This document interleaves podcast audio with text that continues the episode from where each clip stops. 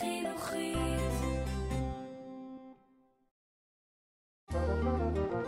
סוד עסיס וצבע המשוררת ריקי דסקל מגישה את המילים מאחורי השירים.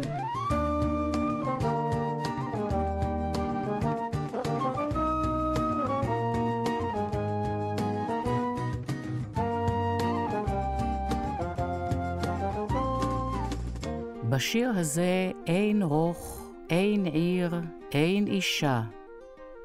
כך כותבת יהודית שחר בשירה שיר הרוך הגדול של העיר. אלימות כלפי נשים מלווה את המין האנושי מאז ומעולם. אלימות זו זכתה לשמות מכובסים כמו רצח על כבוד המשפחה או רצח על רקע רומנטי. השפה קובעת תודעה, ושמות כאלה הופכים את המעשה הנפשע למעשה בעל הילה של כבוד ושל רומנטיקה. אני כותבת זאת לקראת עלייתה המחודשת של האופרה המפורסמת כל כך על שם הגיבורה שלו, אזהרת ספוילר בין למעלה מ-140 שנים, הנרצחת בסופה, קרמן. זו דוגמה מובהקת לרצח על רקע רומנטי. לא אכנס לפרטי העלילה, רק אומר שהצדיק הוא הרוצח שעשה את המעשה המתבקש כשחיסל את הפעם פטל שהרסה לו את החיים. זו רק דוגמה לדורות על גבי דורות שהתחנכו לאורה של התפיסה השוביניסטית והמחליאה הזו. על המוזיקה הנפלאה של ביזה, על זה אין עוררין.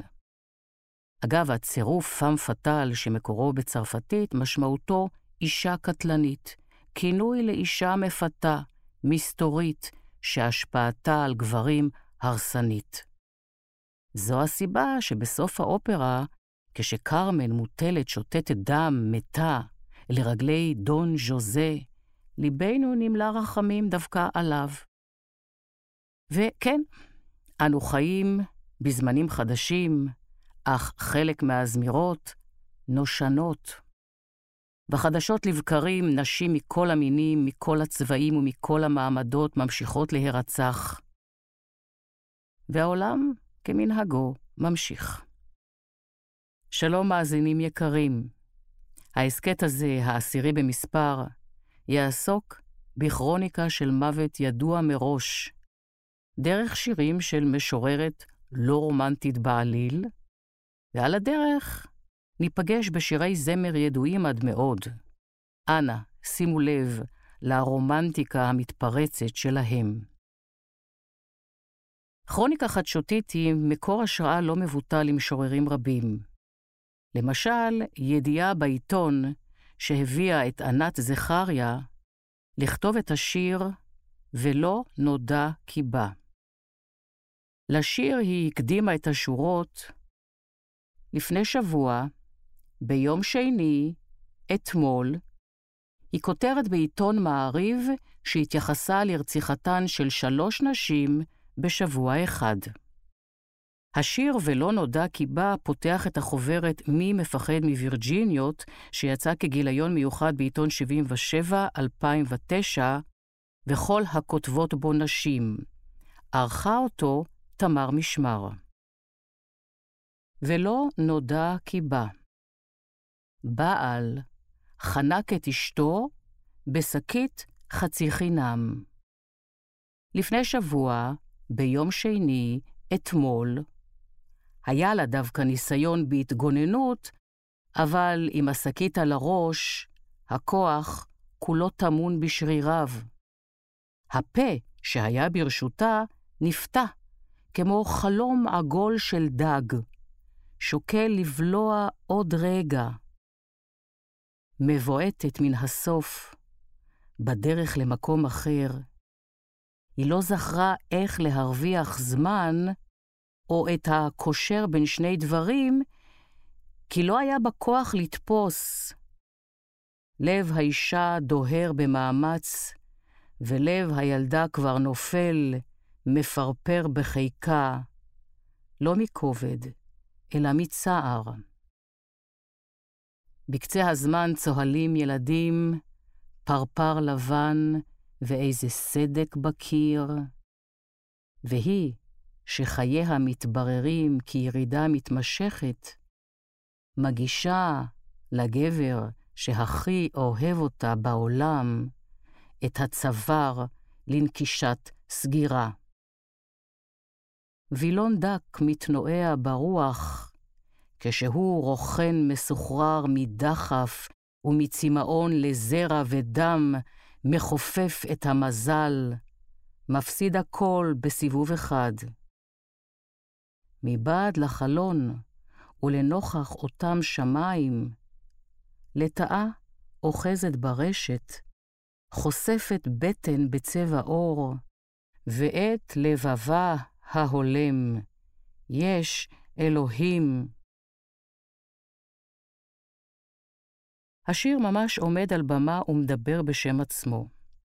אבל פטור בלא כלום אי אפשר, אז מספר הערות.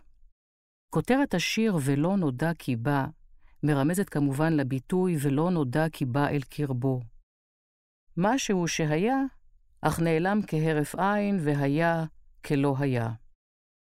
בדיוק כמו הידיעה העיתונאית שנגרפת אל ביוב הזמן, בדיוק כמו האישה האומללה, שגם. זכריה עושה שימוש בכלי המובהק של החלשים. הומור בכלל ואירוניה בפרט הם כלים אפקטיביים להנמכת פתוס ולחידוד מסרים. במקום לבכות, לצחוק. והצחוק המר הזה נתקע בגרון. בעל חנק את אשתו בשקית חצי חינם. המילה בעל, הכה שגורה בשפת היומיום, מזכירה את השורשים העמוקים של יחסי גבר-אישה בהיסטוריה של התרבות הפטריארכלית, שאנחנו, יש להודות, עדיין חיים בה. בעל, גם מלשון לבעול, לבוא ביחסי מין, וגם מלשון להיות אדון ל. בעל בית, בעל אדמות, בעל יכול לעשות ברכושו ככל העולה על רוחו. העובדה האירונית שהרצח התבצע באמצעות שקית חצי חינם מלמדת על זילות הרצח, על הקלות הבלתי נסבלת שלו, אולי גם על המעמד הסוציו-אקונומי של הנרצחת. בכל אופן, זה לא כמו להירצח באמצעות שקית של לואי ויטון. המשוררת מדגישה את יתרונו הפיזי של הרוצח, שהוא כמובן הגבר שהכי אוהב אותה, המרמז על הדפוס של הגבר האלים הקלאסי המכה ובוכה, כי הכל כמובן מרוב אהבה. המרוב אהבה הזה מזכיר לי את ניגון עתיק, שלמנגינתו אנחנו מתנועעים ברוב רגש, מתרפקים עליו ועל סלסוליה מבצעים אותו. הקלאסיקה האלתרמנית שמתחילה בשורה "אם תרדנה בליל דמעותייך", ממשיכה בכל שלל ההקרבות שמוכן האוהב להקריב לאהובתו, ומסתיימת בשורות אך אם פעם תהיי צוחקת, בלעדיי, במסיבת מרעייך, תעבור קנאתי שותקת, ותשרוף את ביתך עלייך, לא פחות. ובעניין הצחוק יש משהו שכנראה משגע גבר כשהוא רואה אישה צוחקת. וכן, אי אפשר שלא להיזכר באליל של שנות ה-60, שאין מה לדבר, כוחו עדיין במותניו. הייתי בהופעה שלו שהתקיימה לא מכבר בארץ. ושמעתי אותו שר בקולו הסקסי להפליא, את הלהיט שכבש בזמנו את מצעדי הפזמונים ברחבי העולם כולו, את דלילה.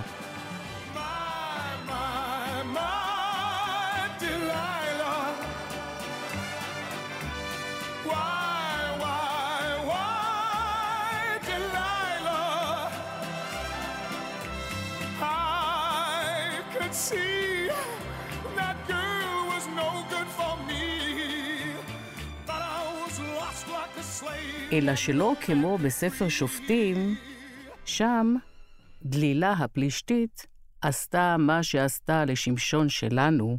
בשיר דלילה שלו, הוא מודה ומתוודה, והפעם אה, תסלחו לי על המבטא הוולשי שלי, She stood there laughing, I felt the knife in my hand, and she left no more.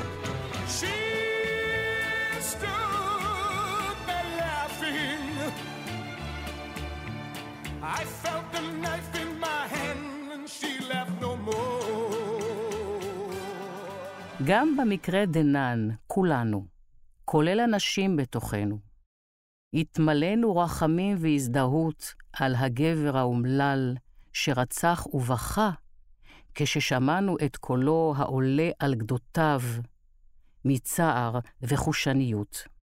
של תום ג'ונס הנפלא. גבר נוסף, מוזיקאי ישראלי מוערך, כנראה גם מרוב אהבה, שר, הייתי רוצה לשבור לך את היד ואז לתת לך רחמים. הקשבתי לשיר. איזה גרוב, איזה קצב תענוג. מתקררים, גלה גלה, הייתי רוצה לשבור לך יד, גלה גלה, ואז לתת לך, גלה גלה, רחמים, גלה גלה. אגב, זו חצי נחמה, כי פה מדובר ביד אחת בלבד. שמעתי את יאלי סובול, הוא שכתב והלחין את "על הרצפה" ממנו ציטטתי, המעיד שאת ההשראה לשורה השומטת הלסתות הזו קיבל משיר של הזמר האמריקאי לו ריד, שהגדיל וכתב בהקשר אחר ובזמן אחר, Somebody else would have broken both of her arms.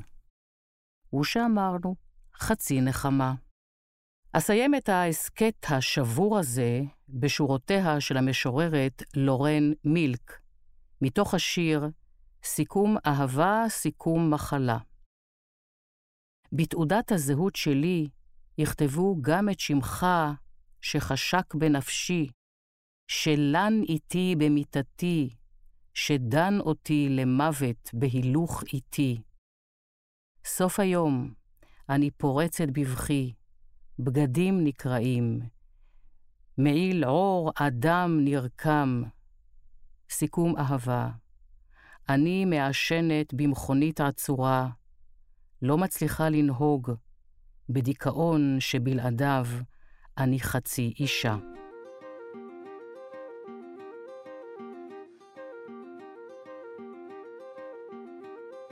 בהסכת הבא נקשיב לקול נוסף, חלש במיוחד. תודה רבה לנתי גרינברג על העריכה הטכנית. הסדרה סוד עסיס בצבע הופקה על ידי הספרייה המרכזית לעיוורים ולבעלי לקויות קריאה, המרכז לתרבות מונגשת עבור החינוכית.